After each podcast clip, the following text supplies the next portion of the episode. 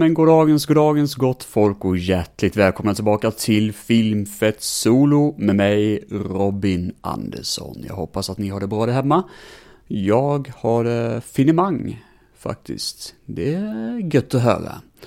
Idag var det tänkt sig att jag skulle snacka lite lätt om Marvel Comics-filmer.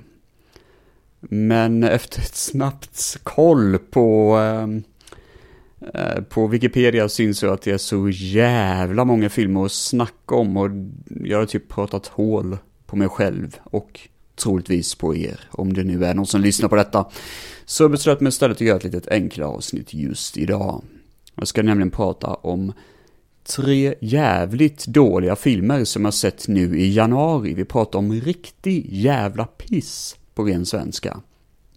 Jag gick igenom lite grann på Letterboxd och i gruppen 100 filmer. Och så inser jag snabbt att okej, okay, jag kan sammanfatta den här månaden med tre ganska pissiga filmer och såklart några bra filmer, men det är ju inte kul att bara snacka om bra filmer, det brukar jag göra ganska ofta på den här podden. Men jag ska prata om tre riktigt, eh, riktigt sunkig skit.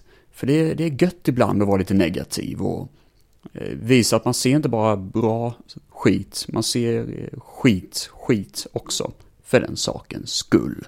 Men vi drar igång med det gamla goda hel, eh, hederliga. Med Miami Vice.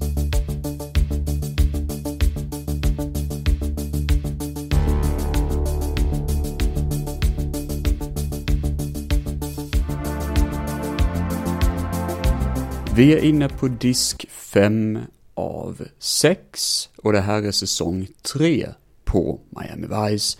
Fyra nya sprudlande äventyr för våra polishjältar. Vi drar igång direkt med The Afternoon Plane, som detta heter. Där Ricardo Tubbs åker på en semesterö tillsammans med sin nya tjej som han dejtar. Och det här låter ganska mysigt sådär liksom, men problemet är att han upptäcker ganska snart att något skumt är på gång. Han upptäcker att det finns en kriminell kille på ön som heter Wolf, som spelas av Vincent Deofranio, tror han heter. Han är bland annat med och spelar Wilson Fisk i tv-serien Daredevil, som gick på Netflix.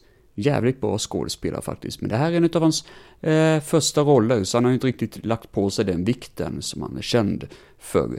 Han spelar också en karaktär i Full Metal Jacket, faktiskt. Men jag har inte sett den filmen, så jag kan inte riktigt säga vilken det är. Ja, jag vet, jag har inte sett Full Metal Jacket. Fucking skjut mig i skallen om ni vill.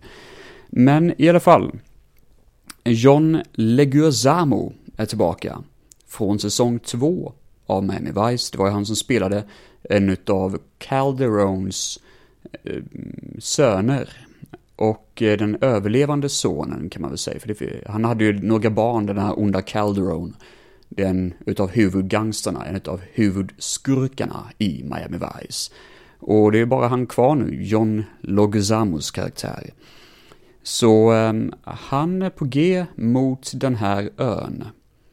Och eh, där får ju Ricardo Tubbs höra, så han försöker ta sig bort från ön för han har en känsla av att han eh, kommer råka illa ut. Men det är ingen på hela ön som vill hjälpa honom. Och Ricardo upptäcker snabbt att detta är en fälla för att folket vill att det ska bli som en sista duell mellan de här två karaktärerna. Att nu jävlar ska Ricardo Tubbs bli ihjälskjuten av den här John Leguzamo, då Calderone. Ja, det är ett bra avsnitt faktiskt, jag gillar idén. Man bygger upp det lite grann som en vilda västern-historia där man vet att det kommer bli en sån här encounter i slutet. Så jag gillar den här idén väldigt mycket. Och eh, det är en smart idé att ändå inte göra något mysterium denna gången, utan bara gå all in på att det här kommer vara finalen när det kommer till Calderone. Det tråkiga vi har fått höra är att det fanns en plot twist i Ricardo Tubbs liv tidigare i Miami då han får veta att han har en son. Och eh, det visar sig att den här killen då, eh, John Leguizamo, ehm, har iscensatt typ att sonen har dött. Men vi som tittar på serien vet om att det inte har hänt. Det var så säsong två slutade på Miami Vice. Det tråkiga är att den här delen med sonen tas tydligen aldrig upp mer i Miami Vice som serie. För man var rädd för att då kanske Ricardo Tubbs kommer försvinna ur Miami Vice. Att man vill inte lägga det som en möjlighet. Så det är synd på sätt och vis, men det här är ändå troligtvis det avslutande kapitlet när det kommer till Calderon. Och jag tycker ändå om att Ricardo får ha en sista liksom story arc, för han har en jävligt bra story arc i Miami Vice som serie. Och jag tycker om honom väldigt mycket mer än, eh, nästan mer än Crockett på sätt och vis, att han faktiskt har någonting som gör honom intressant och lite vassare, lite mer personligare när det kommer i alla fall till eh, Ricardo, eller till, eh, vad säger Calderon såklart. Ja, men det här är ett solidt avsnitt, ganska underhållande. Och leder vidare oss till Lend Me An Ear. Och här dyker skådespelaren John Glover upp, som bland annat då spelar eh, Lex Luthors pappa i Smallville. Det är väl det som är hans kändaste roll. Eh, han har varit med i en del annat också. Jag vet om att han är med i en liten roll i eh, Shazam också, den filmen Shazam. I alla fall, här spelar han en mästare, en före detta polis, som är jättebra på att bugga telefoner. Och det är typ hans expertis. Han är väldigt lekfull, springer runt väldigt mycket och dansar väldigt mycket medan han buggar telefonen och håller på. Han är väldigt lekfull i sitt jobb. Och påminner lite grann om en nästan Batman-skurk. Jag har faktiskt skrivit här, York, nej, Riddler har skrivit gåtan, frågetecken. För det känns som att han skulle kunna spela gåtan jävligt bra i det här avsnittet, i ärlighetens namn. Um, men um, John Glover springer runt och buggar telefoner, det är hans deal, typ nästan. Men så är det då att um, det, det, är sådana stakeouts, att Miami Vice måste anlita honom till att bugga ett visst hus. Problemet är att John Glover jobbar redan för det här huset och därför så vet han inte riktigt om man ska, vem man ska hjälpa. Ska han hjälpa polisen, ska han hjälpa klienten som faktiskt har hyrt in honom? Uh, så det är lite sådär, lite mer Eh, alltså, ska, det är ett chill avsnitt och mestadels bara för att John Glover är så jävla charmig. Han gör ett jättebra jobb i ett avsnitt som annars skulle kunna falla väldigt platt om hans karaktär inte vore så jävla skön. Eh, jag tycker om det avsnittet, det är lite mer chill, lite mer underhållande och dränks i neon. Alltså det är verkligen att man drunknar i neon ljuset av det här avsnittet. Det är helt jävla sanslöst mycket neon. Ehm, det, det, det, är så mycket lila överallt så det påminner lite grann om sådana här blå lampor som man använder vid hotell för att eh, hitta olika typer av vätskor. Lite sådär, det känns verkligen som det när man ser det avsnittet. Helt sjukt är det. Nästa avsnitt heter Red Tape och är ganska bananas, men på ett kul sätt. Det börjar med att Viggo Mortensen blir dödad i en eh, räd mot en lägenhet för en bomb råkar sitta eh, placerad precis ovanför dörren till den här lägenheten som exploderar då. Och eh, då dör Viggo Mortensen, jävligt sad. Sen har vi ytterligare då en polis som råkar vara med på den här platsen när detta händer och det är Ricardo Tubbs. Ricardo blir helt galen av att han befunnit sig så nära den här explosionen. Han blir helt jävla bananas och polisen kommer dit och undersöker väldigt mycket och frågasätter om man skulle kunna undvika att den här händelsen har hänt, den här explosionen. Och han är så förbannad på att bli ifrågasatt, alltså överhuvudtaget, så han beter sig så jävla reckless i avsnittet. Och man fattar typ att shit, han har verkligen blivit bananas av det här. Och man fattar egentligen lite grann varför också, men han var väldigt nära döden. Men det sjuka är att han börjar till och med nästan bli våldsam i offentliga situationer och säger upp sig från Miami Vice. Så då får han kontakt med en före detta polis som, eller en, en polis på kåren typ, någon poliskår i alla fall, som vill ge honom chansen att kunna få väldigt bra pengar om han ger information, eh, liksom viss information till en viss shady character typ. Och det går han med på. Och hela avsnittet är verkligen sådär, varför gör han allt det här? Jag menar, hur kommer det här sluta egentligen? Ricardo har aldrig betett sig så här liksom illa innan. Och alla i eh, Vice-kåren undrar vad fan han håller på med. Varför har de blivit så jävla bananas? Det visar sig i slutet såklart att han har gjort detta för att ta fast den här insider-snubben och att alla faktiskt var med på det. Att de bara iscensatt allting för att det verkligen ska vara 100% säkert. Man visste inte vem man skulle lita på, därför så sätter man tabs på att verkligen gå bananas. Batshit crazy. Och jag gillar ändå idén jävligt mycket. Eh, det här är faktiskt ett bra avsnitt. Lite väl för sjukt för att egentligen kunna vara möjligt när man tänker efter hur karaktärerna egentligen betedde sig. Men jag tycker ändå om det avsnittet väldigt mycket. Red Tape heter det. En utav eh, de, eh, ja, en, ett stabilt avsnitt i Miami Vice historia. Sista heter By Hooker By Crook. Och jag har inte antecknat mycket om det här. Um, det enda antecknat är att man ser skuggan av kameragänget som filmar. Och det här är en ganska avancerad scen på en fest där det är jättemycket statistroller, så det var ganska uppenbart att man kunde inte skjuta om den scenen typ. Men det, det är väldigt obvious, alltså man ser direkt att oj, det där, det där var inte bra dolt alls. Jag menar, det, det, det är nästan i mitten av bilden så ser man typ skuggan av den här kameradollyn som passerar. Vanity är med i avsnittet och George Takei från Star Trek är med i avsnittet. Och Don Johnson regisserar. Det är bokstavligt talat allt jag skrivit om avsnittet. Det här var till och med så tråkigt att jag spolade igenom lite. Väldigt intetsägande, vi har sett det förut. Eh, Don Johnson då, Crockets, mm, helt enkelt, han dejtar en tjej och det visar sig att hon är lite bad guy och ja, vi har sett det förr. Det, det genomförs inte på ett bra sätt. Jag tyckte mycket mer om Teresa som jag snackade om i förra avsnittet av när jag pratade om Miami Vice.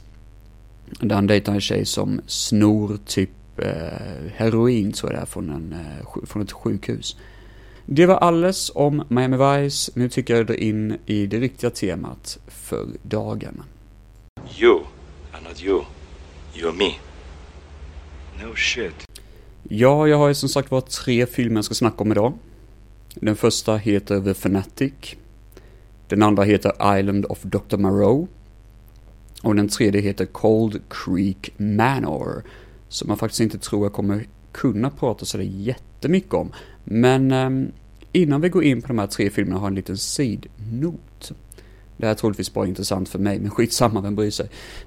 det här, hela, hela jävla poängen med Filmfett Solo och bara sånt som är intressant för mig.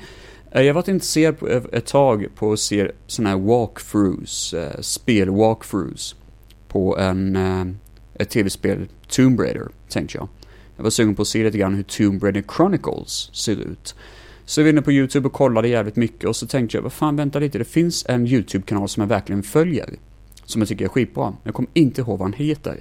Så jag var tvungen att googla fram det här jävligt länge och sen kom jag på en dag bara, men vänta lite, Badass Games heter han. Och han följer ganska mycket, jag tyckte han var en jävligt schysst och liksom skön människa, charmig dude.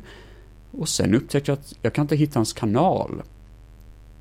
Så då visade det sig att det dök upp en video som heter Where is Badass Games? Där en snubbe faktiskt säger att han också följde, precis som mig, Badass Games asmycket. Och det visade sig som att Badass Games har försvunnit helt och hållet från nätet. Han hade ändå ganska stor fanbase. Han höll på lite grann på, eh, både på eh, YouTube, han hade Facebook, han hade Twitch, han hade det mesta liksom. Och eh, en ganska stor fanbase har försvunnit helt och hållet. Och tagit bort sin egna kanal och allt sånt. Och man bara what the fuck is going on? Typ. Det är jättesär För jag tycker genuint att det faktiskt var en jävligt bra kanal. Och det var därför jag var så sugen på att komma tillbaka till det igen, för det är väldigt avslappnande och lugnt och mysigt att kolla på när han spelar igenom ett spel. Han gör det så lugnt och metodiskt och han vet exakt vad han ska göra med lite, lite humor, men ändå den här charmiga, mysiga jargongen som är väldigt sådär eh, atmosfärisk och mysig att lyssna på. Väldigt bra röst har han, Badass Games. Men han har tydligen försvunnit från jordens yta, vilket är skittråkigt. Ah, ja, det var en liten sån här side-note som egentligen är jävligt ointressant. Men, nu ska vi ner och kolla på John Travolta och sångaren i Limp Bizkit när vi pratar om The Fanatic. Alright, you're gonna help me make some fucking cash, bitch! I wish Freddy Krueger would come and chop off your head, and it would roll in the street, and a truck would squish it, and the blood would splatter everywhere, and everyone would watch it. Ja, The Fanatic är en film från, jag vet inte fan när den kom ut, men det var inte så länge sedan så jag skulle tippa på 2017 kanske. Kanske 2018, något sånt. Och eh, regin gjordes av Fred Durst, som var sångaren då i Limp Bizkit. Säkert väldigt intressant om det är typ 12 år gammal och vet vilka de är. Eller var, jag vet faktiskt inte ens om de finns längre, Limp Bizkit, men eh, jag, jag, vet inte ens vilka låtar de gjort, men jag vet att det är band jag hatar, det är allt jag vet, det är helt 100% säker på. För, uh, ja, fuck it. Um, John Travolta spelar en karaktär som heter Moose. Och Moose är en kille som uppenbarligen har autism. Han passar inte riktigt in i samhället, typ. Han vet inte riktigt hur man läser av saker, men det första han säger är I have to talk fast, I have to take a poo. Ja. Eh, Okej. Okay. Det var intressant. Och eh, i alla fall, Moose älskar en skådespelare som heter Hunter Dunbar. För det första, vem fan heter Hunter Dunbar? Vad fan är det för namn, seriöst? Och det, det, det här är en B-skådis, alltså till och med en C-skådis. Vad fan är den här snubben? Vem tror han han är? Uh, han är en väldigt bitchy B-skådis som typ går igenom någon separation och sånt också, så han är väldigt deppig av sig. Och Moose får då veta att Hunter Dunbar ska komma till hans, eh, till den här stad, eller till den här, eh, en butik som Moose älskar att besöka, som har typ memorabilia och sånt. Och han ska åka dit och han ska få sin autograf av sin favoritskådespelare. Men såklart måste Dunbar gå ut lite snabbt och göra något eh, privat, typ liksom sådär. Och sen så ska han tillbaka och signera alla alla fansens, eh, då deras posters och så vidare. Och um, det tråkiga är att Moose beter sig så jävla jobbigt och typ varför, stick, varför stack du? Jag vill bara ha din autograf och så vidare. Och eh, han är jobbig för att han vet inte om han beter sig socialt såklart. Och det gör att Hunter bara blir typ värsta jävla asshole mot honom. Och typ eh, skäller ut honom som fan. Och det gör att Moose blir skitdeppig. Vilket man förstår såklart. Men han, Moose gör ju vad som helst för att träffa sin fan, eller sin stora idol. Så tillsammans med en tjej som tydligen vet väldigt mycket om hur man fotograferar typ, eh, vad heter det? Um, kändisar och så. Hon vet om var han bor någonstans, Hunter Dunbar. Och såklart så åker Moose dit och bryter sig in i huset. Och jag skojar verkligen inte. Han befinner sig i huset en hel jävla dag. Alltså en hel dag, från morgon till kväll. Och ingen märker att han är där. Och det är så jävla sjukt. Han går runt när folk sover och låter jättemycket och sådär liksom bara klampar runt som en idiot och bara liksom leker en massa i huset och tar en massa saker och lägger tillbaka dem. Man bara, vad fan, någon måste ju märka någonting. Någon måste märka någonting, men uppenbarligen inte för alla fan blinda i den här filmen. Ja, herregud. Det här är så jävla sjukt. För John Travolta goes full out Nicolas Cage i den här filmen. Han, han är så jäkla överspelad. Och det konstiga är att han har ju, John har ju till och med en son som har autism. Och tydligen så är det att hans brorsa jobbar på en sån här, jag läste någonstans att hans brorsa jobbar med en sån här agentbyrå som hjälper folk som är autister att få jobb. Så vad fan ska John Travolta då ta den här rollen för när han är så jävla pissig? Han måste ha vunnit någon Razzie för det här utan tvekan, för det här var fan inte bra. Han har på sig de konstigaste kläderna jag någonsin har sett. En jätteful pottfrilla och mm, går runt och, alltså när han bryter sig in i det här huset så tar han på sig ett par älghorn ovanpå huset och stampar runt, eller ovanpå huvudet och stampar runt i rummet och bara I Moose, Moose is in the house, eller något sånt säger han. Oh, lordy, lordy, lord. Oh. Moose is in the house. Moose is in the house. Watch out. Watch out. Here's Moosey. Sen har vi en skum voiceover också, och den här kvinnan som vill hjälpa honom, den här fotografen som hjälper honom lite då och då, för hon är typ berättaren i filmen. Och hon... Alltså hon har jätte, jättekonstig voiceover i den här filmen, för hon... Liksom, hon säger en gång Moose didn't cross the line. He fucking nuked it. Och jag höll på att böla ihjäl, eller garva ihjäl jag visste inte vad jag skulle ta vägen. Det här var något bland det sjukaste jag sett. Plus att vi får se John Travolta försöka gråta när han ska vara autistisk, typ. Vilket kan vara något bland det sjukaste Nicolas Cage-ögonblicket jag någonsin har sett. Det är till och med så att Nicolas Cage skulle säga, alltså mannen du har inte samma charm som mig, du kan inte göra det här, typ. Och det är väl det som är problemet. Att det är väl det som är summan av kardemumman, att John Travolta har inte charmen att kunna göra det här bra. Han går runt och beter sig som att han har autism fast han, nästan som att han är på crack i stort sett. Som att en autistisk unge skulle hitta crack och bli typ besatt som fan. Han går runt och håller på så genom hela filmen och klampar runt som ett jäkla ånglok. Utan någon sån här subtil eller intressant karaktärisk drag som gör att man faktiskt tycker om honom. Jag menar, han är bara jobbig generellt. Och vi ska se honom genom hela filmen som ledande karaktär. Det finns säkert vissa som tycker vi Fanatic är en jävligt rolig film och underhållande att se. Jag tyckte bara det här var skräp. Jag vet att det faktiskt finns folk som generellt tycker det här är en bra film och underhållande. Jag vet faktiskt att jag läser någonstans att det var faktiskt en del som ändå gav den helt okej okay och tycker att det här är faktiskt en rätt okej okay film.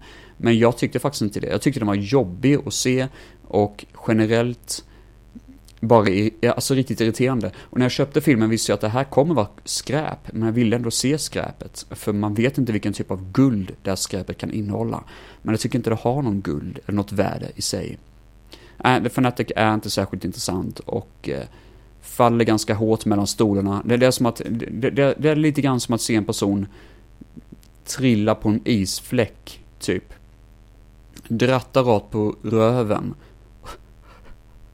på offentlig plats och börja gråta och böla. En vuxen människa, att se detta, det, det gör ont i hela kroppen, men man vet inte vad, vad man ska ta nästa steg. Ska man gå fram och hjälpa personen? Ska man bara kolla på typ? Det är lite grann så med The Fanatic. Jag är ändå glad att jag såg hela skiten. Um, den är inte så smärtsam att sitta igenom egentligen. Även om den är typ smärtsam. Men uh, den är ju inte bra. Island of Dr. Moreau. Uh, eller Morrow, kanske man uttalar som. Det här är ju en film, det finns en dokumentär som heter Lost Souls, The Doomed Journey of Richard Stanleys Island of Dr. Moreau som har talat om tidigare när jag gjorde Richard Stanley-avsnittet här på Filmpet Solo. Och jag har faktiskt sett om filmen nu, för jag har den faktiskt i min ägo nu. Jag gjorde en beställning så jag fick hem den. Så därför jag var väldigt intresserad av att se den här filmen, Island of Dr. Moreau. Och eh, det har jag då gjort. För skapelsen bakom Island of Dr. Moreau är ju intressant. Allt som händer bakom kulisserna är sjukt intressant. Som exempelvis att majoriteten av budgeten gick åt helvete.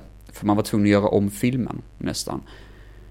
Um, I stort sett, det handlar om en kille. Det är baserat på en bok förresten. Jag kommer inte ihåg vem det är som har skrivit boken.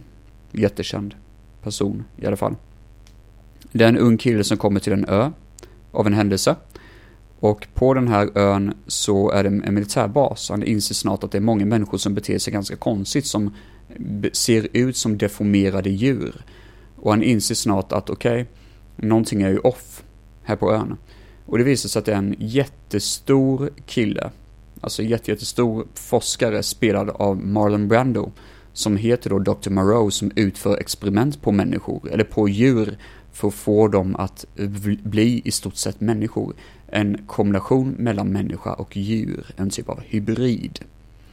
Och eh, det här är ju i stort sett vad filmen handlar om, typ att han går runt på ön och det händer lite olika saker och han blir jagad av lite olika djur och vet inte riktigt hur han ska hantera det här liksom, vem är vad och vad är vem. Och eh, Val Kilmer spelar då en kille som hjälper då Dr. Moreau, hans högra hand, på ön. För det första, huvudskådespelaren, vet inte hans namn, Farley, en sån tror jag han heter. Han är jättetorr. Han ser ut som en bitter brittisk, det är en väldigt brittisk människa. Um, butler kan man kalla det för.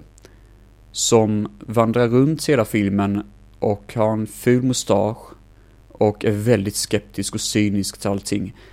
Han ska enligt manuset bli kär i en tjej som är på ön. Men det intressanta är att man fattar inte det. Hade det inte varit för vissa scener där han bara, åh, jag måste ta med henne, typ. Så hade man inte insett det. Jag menar, jag, jag gick runt hela filmen och trodde att okej, okay, men de här, de har ju ingen kemi. Jag menar, det, det här är ju inte någon relation. Det är bara att de råkar befinna sig i samma ö och vill samma sak, typ. De vill ta sig bort från ön. Eller de, de, hon är väldigt sympatisk mot honom och jag tänkte att okej, okay, det, det, är typ en vän liksom, inte så mycket mer än det. Men han har ju inga redeeming qualities alls, den här huvudkaraktären. Han är otroligt, otroligt tråkig. Sen har vi då Val Kilmer som spelar den här eh, eh, doktorn som ska hjälpa Dr. Moreau. Och han är en helt okej okay sidekick i filmen. Jag tycker han gör ett ganska bra jobb. Men bakom kulisserna var han ett pain in the fucking ass. Och eh, han hade en kukmätartävling med Marlon Brando om vem som skulle gå ut ur eh, husvagnen först på inspelningsplatsen. Så ibland så ville de inte gå ut ur husvagnen. För de sa att jag kommer inte gå ut innan han går ut. Och han kommer inte gå ut innan jag går ut. Alltså så, eh, det, det var en kukmätartävling om vem som var störst. Och det här är ju... Eh, det är ju hemskt alltså. Det, det är ju en riktig jävla mardröm hur de här två personerna betedde sig. Sen var det faktiskt så att den originella regissören var ju Richard Stanley. Som var anställd typ två veckor in på inspelningsplatsen, eller inspelningstiden. Han lade ner otroligt mycket pengar och tid på att vilja göra filmen. Lade ner så mycket planering bakom filmen, så när inspelningen drog igång så var det mm, liksom väldigt mycket jobb att göra. Men producenterna upptäckte snart att den här killen har inte regisserat förr. Han har inte regisserat den här typen av stor produktion. Han har gjort Hardware innan, som en ganska liten film. Han har gjort Dust Devil innan, som en ganska liten film. Nu ska han jobba med Marlon Brando och Val Kilmer. A-list actors. Och den här snubben kan inte tillräckligt mycket, det trodde producenterna då. Så till slut fick de sparka honom. Så de körde ut honom i skogen, mitt ute i skogen. Och, ehm, eller körde ut honom till, eh, alltså han, han enligt kontrakt fick han inte vara eh, till eh, sån här inspelningsplatsen. Så de körde bort honom till flygplatsen. Men på något vis så lyckas han ta sig därifrån flygplatsen. Han kommer inte ombord planet.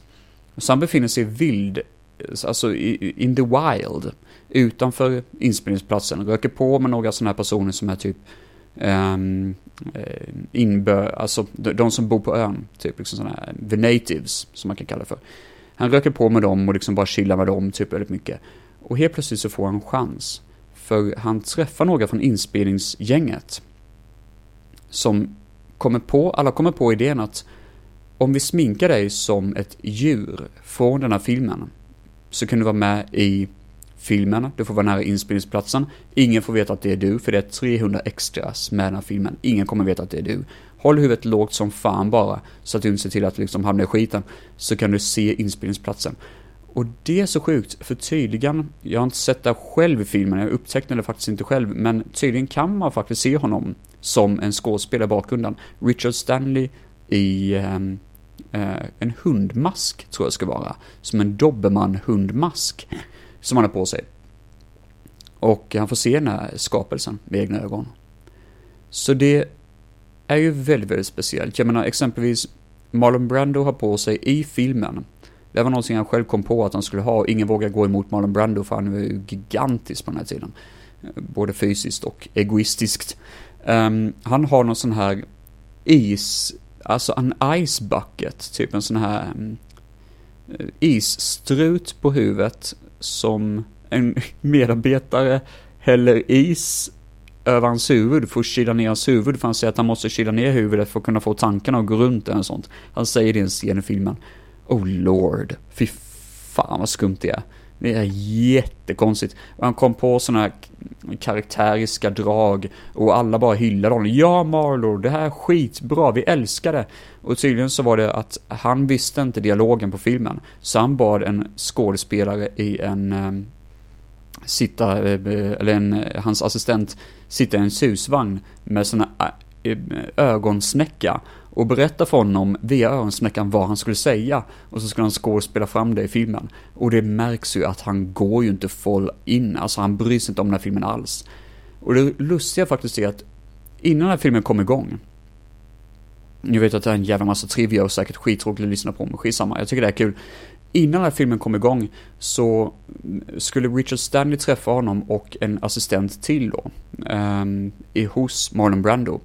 Men det var så varmt i det här stället så assistenten somnade var på Marlon Brando och Richard Stanley kunde sitta och snacka i lugn och ro. Och de kom jättebra överens. Och Marlon Brando ville vara med i filmen och han, han var svårköpt för vissa filmer alltså. Men i den här filmen ville han verkligen vara med för han tyckte om idén bakom det. Och ehm, det var nog när Richard fick kicken som Marlon bara, det här är en skitfilm, det här, jag kommer ge upp liksom.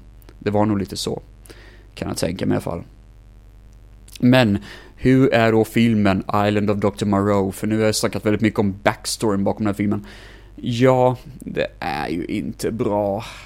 Det är fan inte bra någonstans. Um, alltså, budgeten, för det första, den här filmen var ju väldigt dyr. Det är 97 någon gång och jag vet inte hur dyr den var, men den är väldigt dyr i alla fall. När man ser den nu så tycker jag det känns som att det är en ganska billig film. Det ser ut som en sån här nästan en indiefilm med väldigt bra makeup såklart. Jag menar det är väldigt bra makeup och väldigt bra effekter på hur alla karaktärerna ser ut.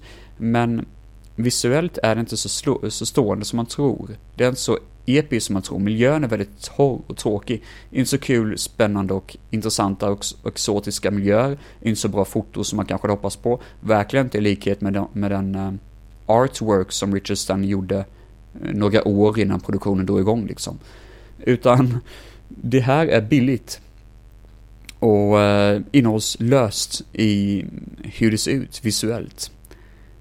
Så det här bär ju inte riktigt vägen visuellt. Alltså när man ser filmen så är det, jag skrev någonstans um, att det här är den billigaste, dyraste film som jag sett den ser ju så jävla platt ut. Det är typ lite Suicide Squad över det, för Suicide Squad hade ju väldigt mycket visuella effekter, alltså digitala effekter. Den här filmen har ju bara praktiska effekter, men allt ser platt som fan ut. Bara för att den är så tråkig och torr. Och innehållslös. Dialogen är ju jävligt dålig och det är mestadels för att allting blev omskrivet scen för scen, om och om igen. Så det är ju inte innehållsgivande alls. Och John Frankenheimer, tror han heter, som blir regissören som tog över då Richard Stanleys roll. Han eh, gjorde bara filmen. Han hade ju ingen vision alls. Han gjorde bara filmen rent mekaniskt. Vilket eh, märks. Island of Dr. Moreau borde vara en roligare film att se när man vet om produktionen bakom filmen, men jag tycker faktiskt inte det. Det är bara en tråkig, intetsägande, torr tomhet som eh, befinner sig i filmen. Och när man har sett den har man sett den och man saknar egentligen ord. Det är ju dock, som sagt var, som jag sagt tusen gånger innan, jävligt intressant med backstoryn. Så jag rekommenderar att se dokumentären Lost Souls. För den eh, har det här innehållsgivande som gör filmen, till viss del i alla fall, intressant.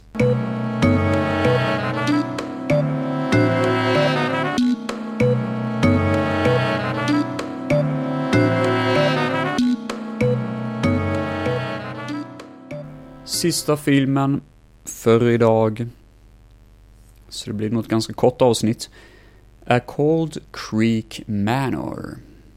Med Dennis Quaid, Sharon Stone, Kirsten Stewart och regi av Mike Figgis.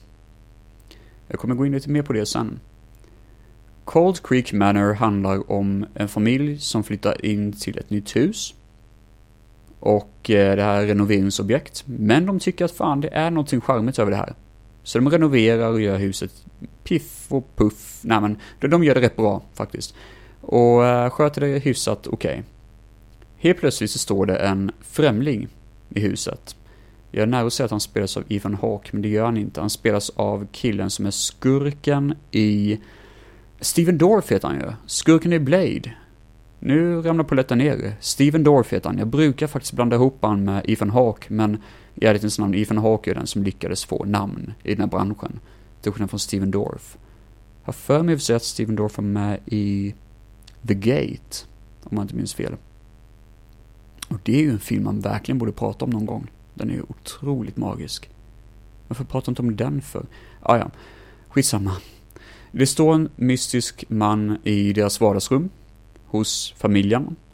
Och han säger då att han bodde i huset innan och de bara ja men det är du typ. Det är, ja jag vet vem du är. Så. Så de låter han äta vid matbordet. Han beter sig jättekonstigt och är jätteawkward. Och familjen bara ja vill du ha jobb här? Och det, det, det erbjuder de precis efter att han säger att han har suttit i finkan. Och de bara ja men vill du ha jobb här? Ja visst, typ. Jag bara vad fan händer egentligen? Och han beter sig konstigt. Man inser att den här killen går inte att lita på. Och så är det ju liksom. Det, det, det är en fakta med fiktion, eller utan fiktion. Han går inte att lita på i filmen, men de bjuder in honom ändå. Av någon konstig anledning. Oh boy. Um, ja, och sen så inser de väl mer och mer att det är någon hemlighet i huset. Eh, det är väl det som är storyn, typ att det är något, inte att det är hemsökt, men det är någon hemlighet med huset. Typ, de hittar lite saker som tyder på att det är något mysko. Och det lustiga är att filmen beskriver sig bara som det, att de hittar någon hemlighet. Det är det enda som står på baksidan av filmen. Och det är exakt så det är. För eh, jag kan faktiskt inte sätta fingret på vad det är för något. De hittar någon hemlighet. Det, va? Vad ni hittade var en gubbe som stod i köket och betedde sig konstigt. Och ni bjöd in honom att jobba hos er, trots att han typ är mysko. Det är någon scen då det är en massa ormar överallt, typ huggormar. Och familjen bara ah nej, huggormar överallt! Och pappan då tror ju att det är han, eh, Steven Dorff, som har släppt in de här huggormarna. Jag vet inte vad, vad fan han hittar huggormar, alltså det är typ tio stycken eller någonting, var han hittar dem någonstans. Och hur han kan liksom gömma dem på olika ställen så att det faller ner på folk och så vidare och kryper runt så att varenda karaktär ser de här ormarna vid olika tillfällen. Jag vet faktiskt inte. Um, men uh, tydligen har han en otrolig skill till att göra det. Ja, alltså vad finns att säga? Cold Creek Manor. Det är en torr film det här. Som sagt var, Dennis Quaid är med. Och han gillar jag. Han är ändå bra. Han är ju bättre än hans brorsa, den där andra Randy Quaid, som typ gjorde, jag för mig gjorde något sextape med sin fru och sånt som cirkulerar på nätet. Och blivit lite av en sån här crazy hobo. Um, men Dennis Quaid, eh, han gillar jag faktiskt. Han är charmig och han gör ett bra, en helt okej okay roll i den här filmen. Det är en ganska rolig scen, eller rolig, det är bara jag som tycker det är kul kanske, men vad är det med medelålders män som håller en handkamera som ser jävligt fult ut. Det ser så Svensson ut när de håller en sån här gammal DV-kamera typ. Och bara ska filma lite grann. Ja, nu ska vi filma hur vi inreder huset. Bara det, det känns väldigt typiskt amerikanskt, håller på att säga. Sharon Stone också med i filmen. Jag kommer faktiskt inte ens ihåg att hon är med. Jag tycker bara synd om henne, att hon är med i den här filmen. Hon är ju en bra skådespelerska. Och eh, man har ju väldigt stor respekt för henne. Hon är fortfarande aktiv i filmindustrin och fan, gillar henne. Hon är en stark klippa den kvinnan. Men, um, ja. Och Kirsten Stewart är med, eller Kristin Stewart vad hon heter, är med också som dottern i filmen. Så där måste det vara hennes första roll innan Twilight och allt det där gick bananas. Um, finns egentligen inte så mycket intressant att säga om det, tycker jag. Regi gjordes ju utav Mike Figgis. Och Mike Figgis är snubben bakom Leaving Las Vegas, en av mina absoluta favoritfilmer med Nicolas Cage som eh, en, su eh, alltså en suputen, eller vad fan man kallar det, en, sur, en super Alltså en snubbe som super typ, en, en drunk dad figure typ. Nej, men han, han, han, skitsamma, det är en bra film så jag ska inte blanda in det, detta det temat. Living Las Vegas är en jävligt bra film, Farväl Las Vegas, den bonusbanan in eh, av Mike Figgis. Jag fattar inte vad som hände med han efteråt, den här Mike Figgis, för det Cold Creek Manor är ju beställningsuppdrag som ingen vill ha. Tydligen så var någon som skrev på Letterbox att det här är typ hans eh, försök innan han gjorde, alltså att det här är typ Dennis Quaids försök innan han gjorde en film som heter The Intruder, som är betydligt bättre sån här mm, eh, husmysteriefilm med Dennis Quaid tydligen. Jag känner inte till den filmen så jag har ingen aning. Det finns inte så mycket mer att säga om Cold Creek Manor, tycker jag. Så jag tycker vi sätter stopp där. Ja, så då har vi dem då. The Fanatic, Kanske den enda som är intressant av de här filmerna att faktiskt se. Mestadels för att den kanske är en film som inte ens borde existera. Island of Dr. Moreau som egentligen bara är intressant för dess background story. Och Cold Creek Manor som bara är medioker. Jag glömde säga det med Cold Creek Manor att genom halva filmen kommer på det att det här är en sån här typ av thriller som kommer sluta med en fight i regn på ett tak. Det kommer sluta så. Jag trodde det att, jag bara fick en bild av att om det kommer typ bli lite sådär att det kommer regna, det kommer vara utomhus och det kommer bli en fight på ett tak. Och det är precis det som händer också. oh shit, jag tyckte det var jävligt kul faktiskt. Jag bara, oh god. Det där var en liten, det, det var fan nästan så jag överraskade mig själv där faktiskt. Jag måste ha sett lite för mycket film kanske. Nej äh, men det här var ju, det, det, var kul att prata om dåliga filmer. Det var ju, det var fan inga roliga filmer alls att prata om idag. Men eh, förhoppningsvis så blir det ett bättre avsnitt längre fram. Jag hoppas att jag kommer kunna snacka om X-Men-filmerna någon gång framöver. Det hade varit jävligt kul faktiskt. Jag har skrivit ner dem på en lapp här. Men då måste jag ju se eh, Dark Phoenix och eh, New Mutants också. Och eh, det känns ju lite grann som ett tvång, kanske. Sen har man ju såklart, jag, jag har sett X-Men Origins, men jag har inte sett The Wolverine, jag har inte sett hela i alla fall. Men jag tror knappast det behövs, om jag ska vara ärlig, eftersom att jag själv sätter standarden på dessa avsnitt. Uh, ja, det var väl allt om de dåliga filmerna som jag sett nu i januari. Kan göra en liten sidnot och bara säga det att jag har sett två väldigt bra filmer också i januari. Uh, Tron Legacy som jag tyckte var väldigt underhållande faktiskt. Förutom de dåliga CGI-effekterna. Där de försöker föryngra Jeff Bridges ansikte som ser wow, det där ser fan inte bra ut någonstans. Förutom det, väldigt bra musik, väldigt bra miljö, jävligt bra effekter, explosiv, händelsefull, väldigt bra actionscener och generellt bara en good motherfucking movie. Jag, hade, jag gillar den här filmen jävligt mycket faktiskt. Tron Legacy, Daft Punk gör musiken också, måste man ju dra in med. Ja, det är en god film. Och sen så har jag också sett uh, Manhunter som eh, är originalet till um, Hannibal Lecter-serien. Men det här är ju då under 80-talet så gjordes ju den då, Manhunter. Sen kom Silence of the Lambs och uh, gjorde historia med resten av filmerna. Och en annan dålig film som jag sett som jag inte kommit upp idag är Hannibal. I um, Hannibal Lecter-serien. Och det här, den är fan inte bra, men jag kommer troligtvis ta upp den i framtida avsnitt. För jag måste, jag har sett nästan, jag har faktiskt sett alla nu, uh, Hannibal Lecter-filmerna. Jag har bara Hannibal Ray, Rising kvar.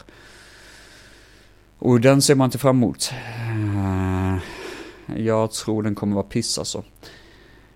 Nej, men generellt, jag tyckte det var ett kul avsnitt. Jag hoppas också jag kommer göra ett avsnitt om mina favoritfilmer någon gång. Det hade varit kul, att prata om lite positiva saker och lite positiva aspekter. Uh, för den listan växer ju konstant hela tiden. Det var roligt. Men nästa avsnitt kommer förhoppningsvis också avsluta med Mivais säsong 3 på. Och kanske till och med ta lite paus från det. Jag får se vad som händer, jag får se vart vägen leder oss. Tack så jättemycket för att ni lyssnar på dagens avsnitt av Filmfett Solo. Filmfett finns på Facebook och på Instagram, ni kan följa mig där.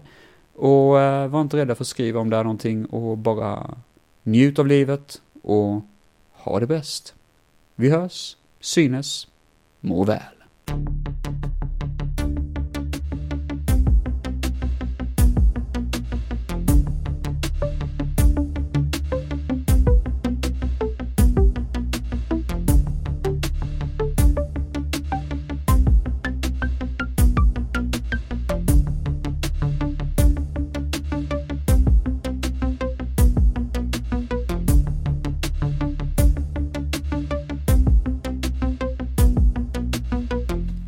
Automusik av Carl Nilsson från Creative Meltdown Podcast.